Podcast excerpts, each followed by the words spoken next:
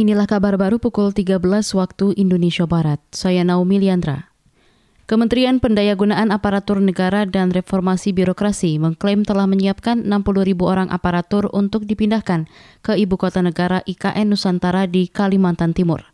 Menteri Pan-RB Cahyokumolo mengatakan jumlah terdiri dari aparatur sipil negara ASN serta anggota TNI Polri.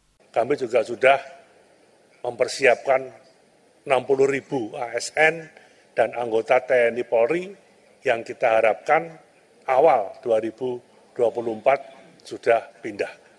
Dan ini tergantung bagaimana infrastruktur perumahan dan infrastruktur transportasi dan berbagai hal yang berkaitan dengan sekolah buat anak-anak dan sebagainya dan sebagainya. Menteri Pendayagunaan Aparatur Negara Cahyokumolo menambahkan, jumlah 60 ribu aparatur itu merupakan klaster pertama dan diharapkan menjadi contoh aparatur yang lebih profesional. Selanjutnya, pemindahan ASN dilakukan secara bertahap ke ibu kota baru. Korlantas Polri memastikan tidak melakukan penyekatan pada mudik lebaran tahun ini. Kepala Korlantas Polri, Firman Santiabudi, menyebut penyekatan hanya akan menghambat perjalanan masyarakat yang melakukan mudik.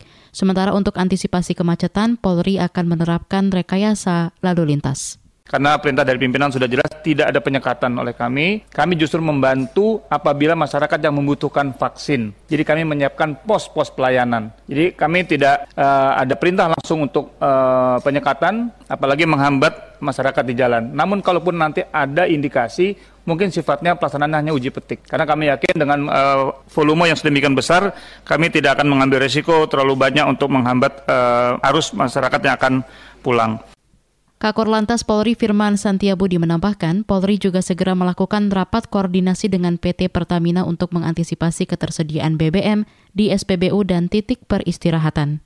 Jaksa penuntut umum kasus kematian peserta Diksar Menwa Universitas 11 Maret Solo menyatakan banding atas putusan PN Surakarta sebab memfonis rendah para terdakwa.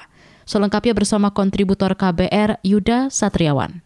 Jaksa Penuntut Umum atau JPU kasus kematian peserta Diksar Menwa Universitas 11 Maret atau UNS Solo menyatakan banding terkait putusan Pengadilan Negeri Surakarta yang dinilai memfonis rendah para terdakwa. JPU kasus tersebut Sri Ambar Prasongko mengatakan banding dilakukan di tingkat Pengadilan Tinggi Jawa Tengah.